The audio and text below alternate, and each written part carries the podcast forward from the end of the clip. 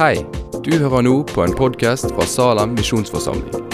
En menighet i sentrum av Bergen. Vil du vite mer om oss eller komme i kontakt med oss, gå inn på salem.no. Tittelen for dagens tale er rett og slett noe så eh, eh, ærlig som Jeg vil ikke, men jeg har lyst til å ville. Eh, så nærmer oss påske, og så eh, sier jeg låst det da på, på, nettet i dag. Og at eh, vi skulle ha en påske, og det vet jo jeg at vi skal ha de neste tre ukene om påske. Men eh, spurte gjesten min på tre år hva påske var for noe. Så har hun eh, tydeligvis lært seg av en eller annen at det er litt sånn gøy å sånn, late som å dra seg i skjegget. Så dro hun seg litt i skjegget. Og så sa hun at det var da Jesus sto opp fra grava. Så tenkte jeg, veldig bra. Og så sa hun men først, først så gjemte han påskeegg i dusjen til folk. Så jeg vet ikke, Kanskje foreldre gjemte påskeegg i dusjen i fjor. Det er jo veldig godt mulig. Um, men som sagt så skal påske og fasten møtes litt på midten i denne talen. Uh, og kanskje er du klar over at vi er ganske midt i fastetida akkurat nå. Og kanskje har du gitt avkall på noe i fastetida.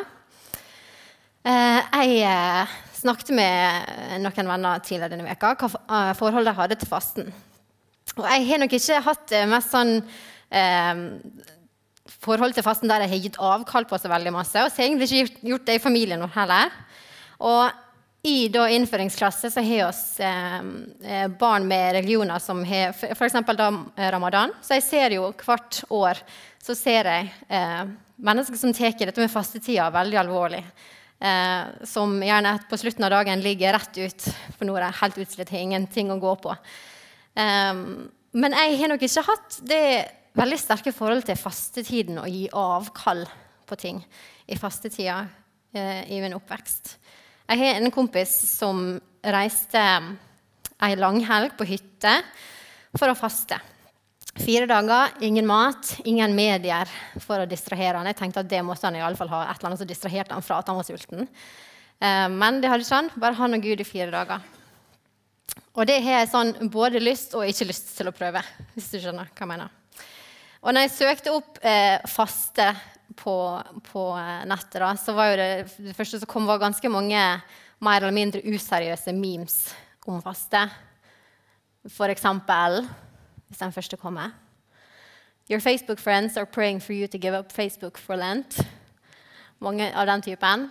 Eller I believe I'm getting closer to God by spending a few weeks not eating M&M's. Så jeg vet ikke helt om du har et eh, alvorlig eller litt sånn useriøst forhold til fasten. Kanskje sitter du og lurer på hva er faste eh, egentlig i utgangspunktet. Hva er det for noe? Og fasten er jo denne tida før påske eh, hvor en har muligheten til å formes eller rette blikket på Jesus før vi kommer til feiringen av oppstandelsen i påska. Og For mange så handler det om å gå inn i en periode med ekstra fokus på bønn, ekstra fokus på faste for å rette blikket mot de lidelsene som Jesus faktisk gikk gjennom for å frelse oss fra vår synd. Og vi faster ikke fordi oss det er en slags straff, eller fordi vi føler oss må gi tilbake noe til Jesus, men for å kanskje orientere hjertet vårt litt um, til han som høytida faktisk handler om. Og I en tid og en verden hvor det i stor grad handler om å eh, ha individuelle lyster, individuelle ønsker, så er det fint tenker jeg, å kunne si Gud, jeg gir opp disse gavene, disse nytelsene, for å rette blikket mitt mot deg. Eh, og dette tenker en kanskje mange ganger i løpet av et år, i løpet av et liv. Eh, men det er noe med den tidsramma. Ok, de neste 40 dagene, da Nå vil jeg ekstra fokus på, på Gud fram mot påska. Og i kveld så vil jeg snakke om å gi opp hva jeg vil i fastetiden. I vinterferien så var vi på hyttetur med noen venner. Og etter det så bestemte jeg og hun ene venninna oss for å faste fra noen ting som vi merka tok litt vel stor plass i hverdagen. Eh, bare sånne små mål som eh, over på sosiale medier 30 minutter av dagen. Ikke kjøpe noe for Tice. Uh, slette Snapchat fram til påske. Og jeg tenkte jo at å gi opp dette her, disse tingene, det var vel og bra. Uh, lite mobiltid, kanskje litt mer penger på kontoen. Og ikke misforstå meg, jeg tror at Gud anerkjenner når oss gir opp noe som oss merker tar litt stor plass. Um, og tar kanskje litt av plassen som vi har for Gud. Også i går så var jeg hos noen venner og, og snakka litt om dette temaet, hva målet med fasten egentlig er. Og min kloke venninne, jeg har mange av dem, sa at målet til fastetiden er jo Hun tenkte at ikke det at hun skal kjenne på en skikkelig sultfølelse. Jeg vet ikke hvor ofte du kjenner på en sånn enorm sultfølelse. Eh, Iallfall ikke en sånn sultfølelse som kommer etter fire dager på ei hytte uten mat. Um, men poenget er jo at vi skal kjenne at vi skikkelig hungrer etter noe. Og at den sultfølelsen da etter mat for eksempel, skal hjelpe oss til å skjønne hvor mye mer oss er avhengig av, av Gud. Så enormt avhengig oss er av mat, av søvn, av mennesker. Så enormt mye mer er oss avhengig av Gud i hverdagen. Men det er nok ikke hver dag vi kjenner på den enorme sulten. Um, så når vi snakker om fastsiden, så er det gjerne om bønn. Det er om faste og hva skal kan gi opp for å få mer av Jesus. Og alle disse tingene er gode ting. Og så satt jeg eh, for noen måneder siden og las om Jesus i Getsemane før, eh, før korsfestelsen og hele den delen. Og, og, tenkte er det mulig at vi har gått glipp av et steg i alt dette? Et steg som Jesus gjorde ganske tydelig i Getsemane, et poeng som jeg ikke har tenkt på før jeg leste det eh, for noen måneder siden. Um, å se et eksempel i et ganske ærlig, sånn som tittelen på talen, et ærlig 'jeg vil ikke, men jeg har lyst til å ville'. Jeg håper du henger med på tittelen på det. Jeg vil ikke, men jeg, he, jeg vil ville. Jeg har lyst til å ville. Um, I Matteus 26 uh, så leser oss uh, om Jesus som feira den siste nattverden med disiplene sine og gikk til Getsemane før han ble arrestert. Du kan ta neste bilde. Og I Matteus 26, 37 så leser oss at han tok med seg Peter og de to CBDU-sønnene, og han ble grepet av sorg og gru. Jesus trengte å be. Da sa han til dem, 'Min sjel er tynget til døden av sorg. Bli her og våk med meg.' Han gikk fram et lite stykke, kastet seg ned med ansiktet mot jorden og ba, 'Min far, er det mulig, så la dette begeret gå meg forbi.' Men ikke som jeg vil, bare som du vil. Altså, når jeg leste det og og så på en måte litt sånn på nytt Tenk at Jesus ba om dette. Jeg tror eh, sikkert mange som har hatt den tanken når de har lest disse versene før, at tenk at Jesus faktisk ba om at kanskje kan jeg få slippe. Han visste hva som venta han. og Tenk at han ville si det høyt og rope det til Gud. Jeg har tenkt noen ganger. Han holdt ikke igjen sine innerste følelser. Han, han holdt ikke tilbake. Han var ærlig om den smerten som lå bare djupt inni sjela, og han kjempa mot den, den, lidelsen som han visste lå foran han. Og vi leser gjennom Bibelen at Jesus var fullt Gud og fullt menneske. Og Her ser vi et eksempel på Jesus som er sympatisk med vår menneskelighet, vår menneskelige svakhet, som var frista på samme måte som oss er, men som likevel var uten synd. Og Her måtte jeg og, stoppe og tenke ok, han er fullt menneske, han er fullt Gud. Og så roper han til Gud Gud, kan jeg få slippe? Dette her vil ikke jeg. Eh, men bare det som du vil, ikke som jeg vil. Det må jo bety at det at Jesus roper ut dette her, det er ikke synd i Guds øyne. Hans rop 'jeg vil ikke' det hadde ingen synd i seg. Jesus synda ikke da han ba Gud om å la den smerten som kom, gå ham forbi. Det var ikke noe behov for at han skulle be Gud om tilgivelse for det som han sa. Dette var et ydmykt menneske sitt rop om hjelp. Men samtidig så ropte ikke Jesus 'Jeg vil ikke', og 'jeg kommer ikke til å gjøre det'. Han ropte 'Jeg vil ikke', men jeg, jeg vil ville det. Jeg har lyst til å ville. Og når en skal være ærlig som menneske, så kan en gjerne si at i denne fastetiden så har ikke jeg lyst til å identifisere meg med lidelsen. Jeg har ikke lyst til å melde meg frivillig til selvfornektelse. Jeg vil ikke velge ukomfort, faste. Jeg har lyst å spise det jeg vil spise sjøl, sove når jeg vil, og gi det jeg vil til Guds ære, men helst uten at det skal være så veldig sånn restriksjoner på min egen frihet. Innerst inne så er jo det gjerne det oss vil. Men så hører Gud også at det er en bekjennelse, et ekko fra hjertet. Og jeg mener ikke, jeg vil ikke, og jeg kommer ikke til å gjøre det. Nei, dette vil jeg ikke. Det er ikke det, det, er ikke det jeg mener. Hjertet mitt mener jeg vil ikke, men Gud, jeg har lyst til å ville. Jeg har lyst til å ville. Jeg vil ikke bare vise at jeg har sjøldisiplin eller sjølkontroll. Jeg vil at du skal forandre hele roten til, til det jeg vil sjøl. Akkurat nå så er rota til det jeg vil, at jeg vil beholde ting sånn som det er. Sånn som jeg liker å ha det. Så derfor så trenger oss Gud til å forandre hjertet før vi hele tatt kan begynne å gi opp, gi avkall på ting i fasten. Og Gud dømmer ikke meg når jeg erkjenner dette her. At mennesket i meg, Gud, har ikke så veldig lyst til å faste og gå uten mat. Har mest lyst til å spise akkurat det jeg vil, se på akkurat det jeg vil, sove akkurat så lenge jeg vil.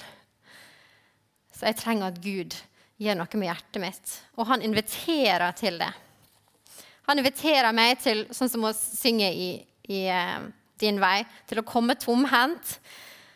Og at det er den perfekte måten at han kan begynne en sånn ransakende fasteperiode.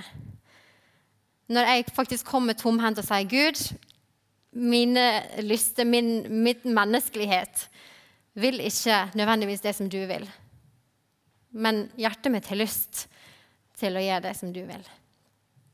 For midt i, når Jesus kjempa, midt i Jesus en kamp, så sendte Gud en engel for å gi ham styrke. Han kunne sendt en engel for å ta Jesus vekk, ta Jesus hjem.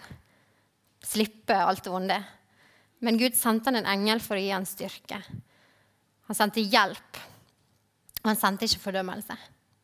Og Engelen lovte ikke at han skulle ta vekk smerten. Det var ingen løfte om å fjerne alt det vonde og alt det ukomfortable.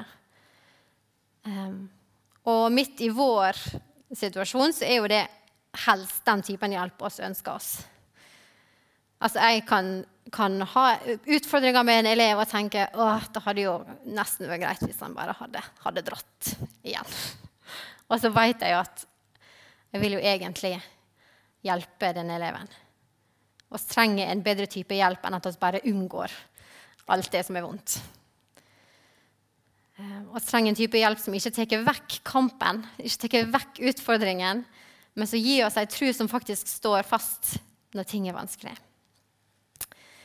For fastetid um, å utøve en form for disiplin, sjøldisiplin, det er ikke meint til å være enkelt. Og um, når jeg går tilbake og tenker på mine sine uh, avkall i, uh, i, fastetiden, så er ikke det de mest utfordrende uh, tinga jeg har gitt avkall på. Men jeg tror at det oss kanskje forventer å gå inn i en sånn ransakende periode der oss, der oss ber Gud om å forandre oss, uten å forvente at det faktisk kan være utfordrende.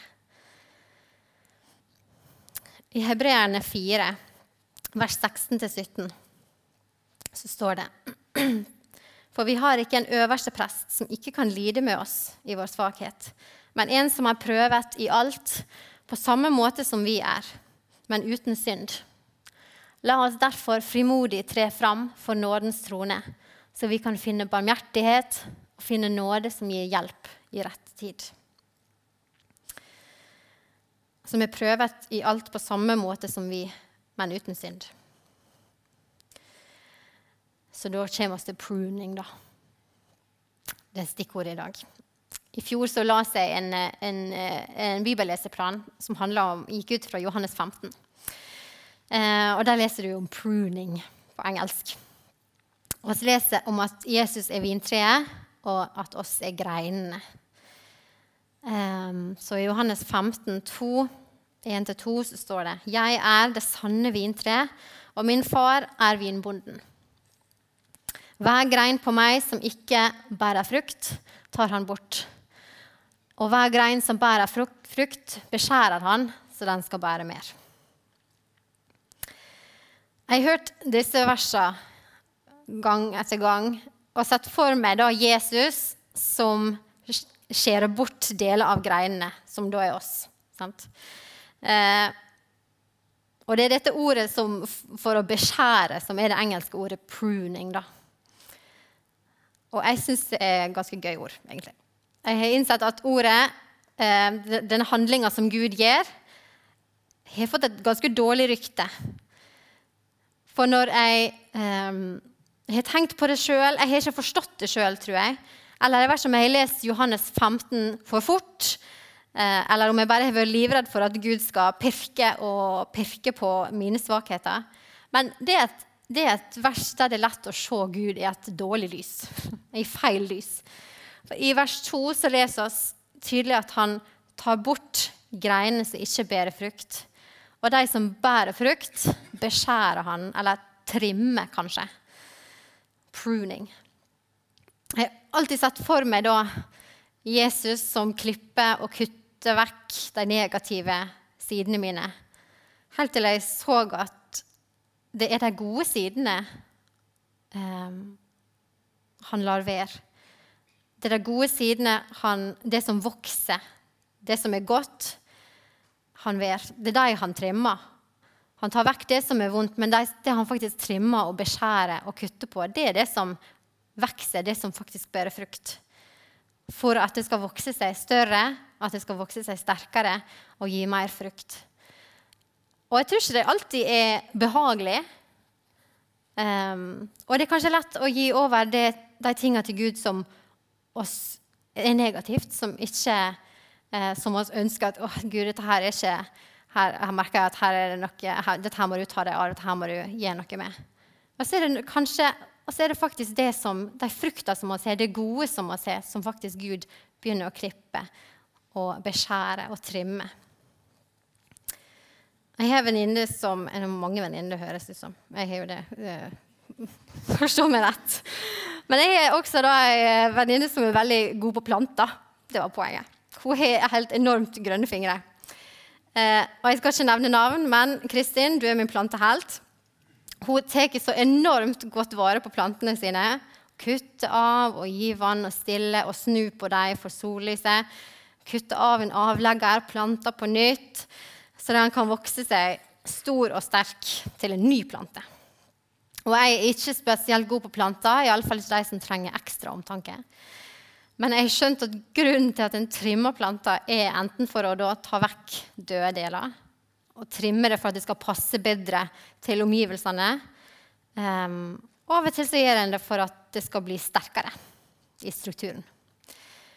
Så I bunn og grunn så trimmer den for å gjøre den kanskje mer mottagelig for lys, og for å forbedre kvaliteten på frukta i planten.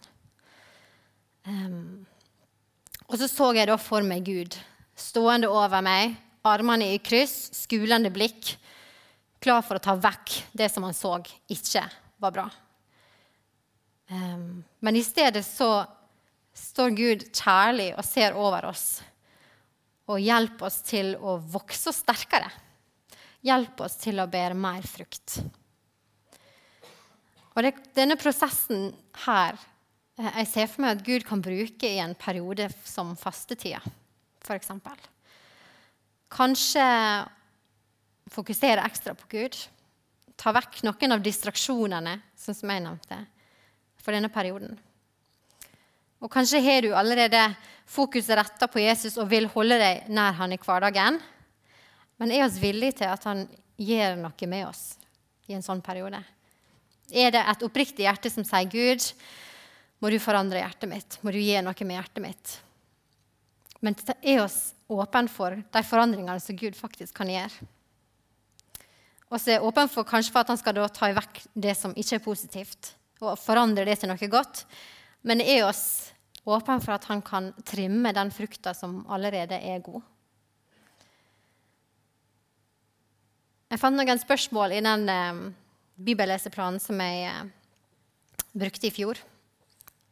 Eh, som jeg tenkte at du kanskje kan tenke litt på. Kanskje ta bilde av deg. Kanskje stille deg sjøl disse spørsmåla. Den neste delen fram mot påske.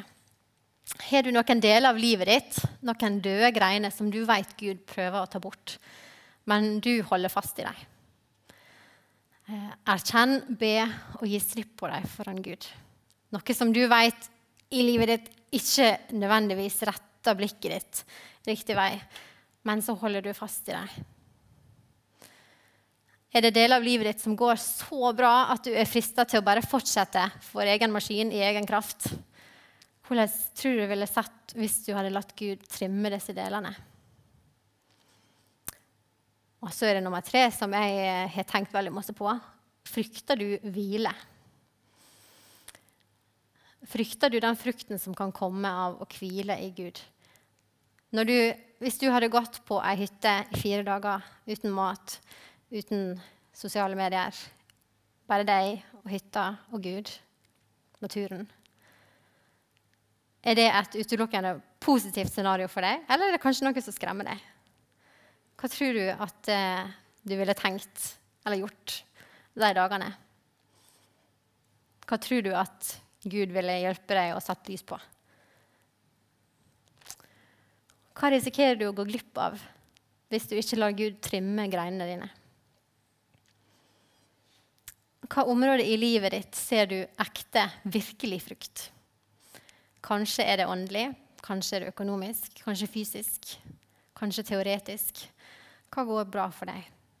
For Nå må ikke du misforstå meg og tro at jeg mener at i fastetiden nå, skal du, nå skal du fokusere på det som er negativt, det som ikke er positivt. For jeg garanterer at Gud ser frukt i hver enkelt av dere som sitter her. Og så er spørsmålet er du villig til å la Gud ta den frukta og bruke den til noe enda mer og ta et ekstra steg. Det er tre uker igjen til påske. Så la oss stille oss ydmyke foran Gud med et ærlig Gud. Mennesket i meg vil ikke, men jeg har lyst til å ville. La oss ta imot Guds invitasjon til å komme akkurat sånn som oss er. Gud har en plan. Gud kan ha en plan for denne perioden, denne faste perioden, sjøl de tre ukene som er igjen. Han vet at det beste for oss er en forandring som bærer frukt lenger enn disse 40 dagene som er fastetida. Og jeg tror at Gud kan bruke de neste 21 dagene på å plante om, beskjære og vanne. Så jeg tror at vi kan begynne denne, resten av denne fastetida med et stille 'jeg vil ikke', men jeg har veldig lyst til å ville. Så skal spørre. Takk, kjære Jesus, for at du eh, kjenner den enkelte personen som er kommet inn her i Salem og satt seg ned. Jeg ber om at eh, hjertet må være åpent for at du kan møte den enkelte som sitter på hver eneste stol her inne. Møte dem der som de er. Vise dem det gode som du gir, Jesus, det gode som du har lagt ned i dem. Og vise og jobbe med hver enkelt av oss til hvordan vi kan bli mer lik deg. Hjelp oss til å eh, gi oss ei tru som kan være sterkere i utfordringer, i gode tider og i de som er mer utfordrende. Ber Jesus om at de neste ukene så kan oss ta litt blikket vekk fra oss sjøl og løfte blikket til de som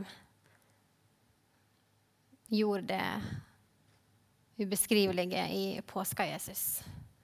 Hjelp oss til å, at det kan bli så virkelig for oss som det aldri har vært før Jesus, denne påska.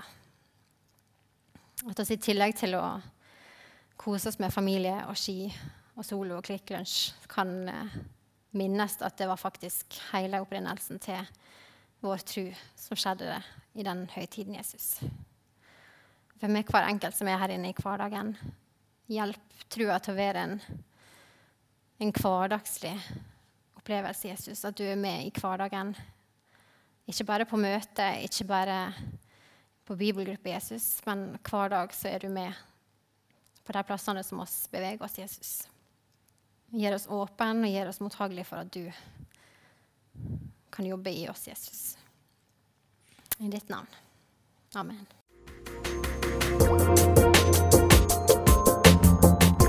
Takk for at du har hørt på podkasten fra Salem, Bergen. I Salem vil vi vokse i et stadig dypere fellesskap med Gud og med hverandre. Vi vil være Jesu hender og føtter, og vi vil være med og forkynne frelse for Bergen og resten av verden. Besøk oss gjerne på salem.no om du vil vite mer.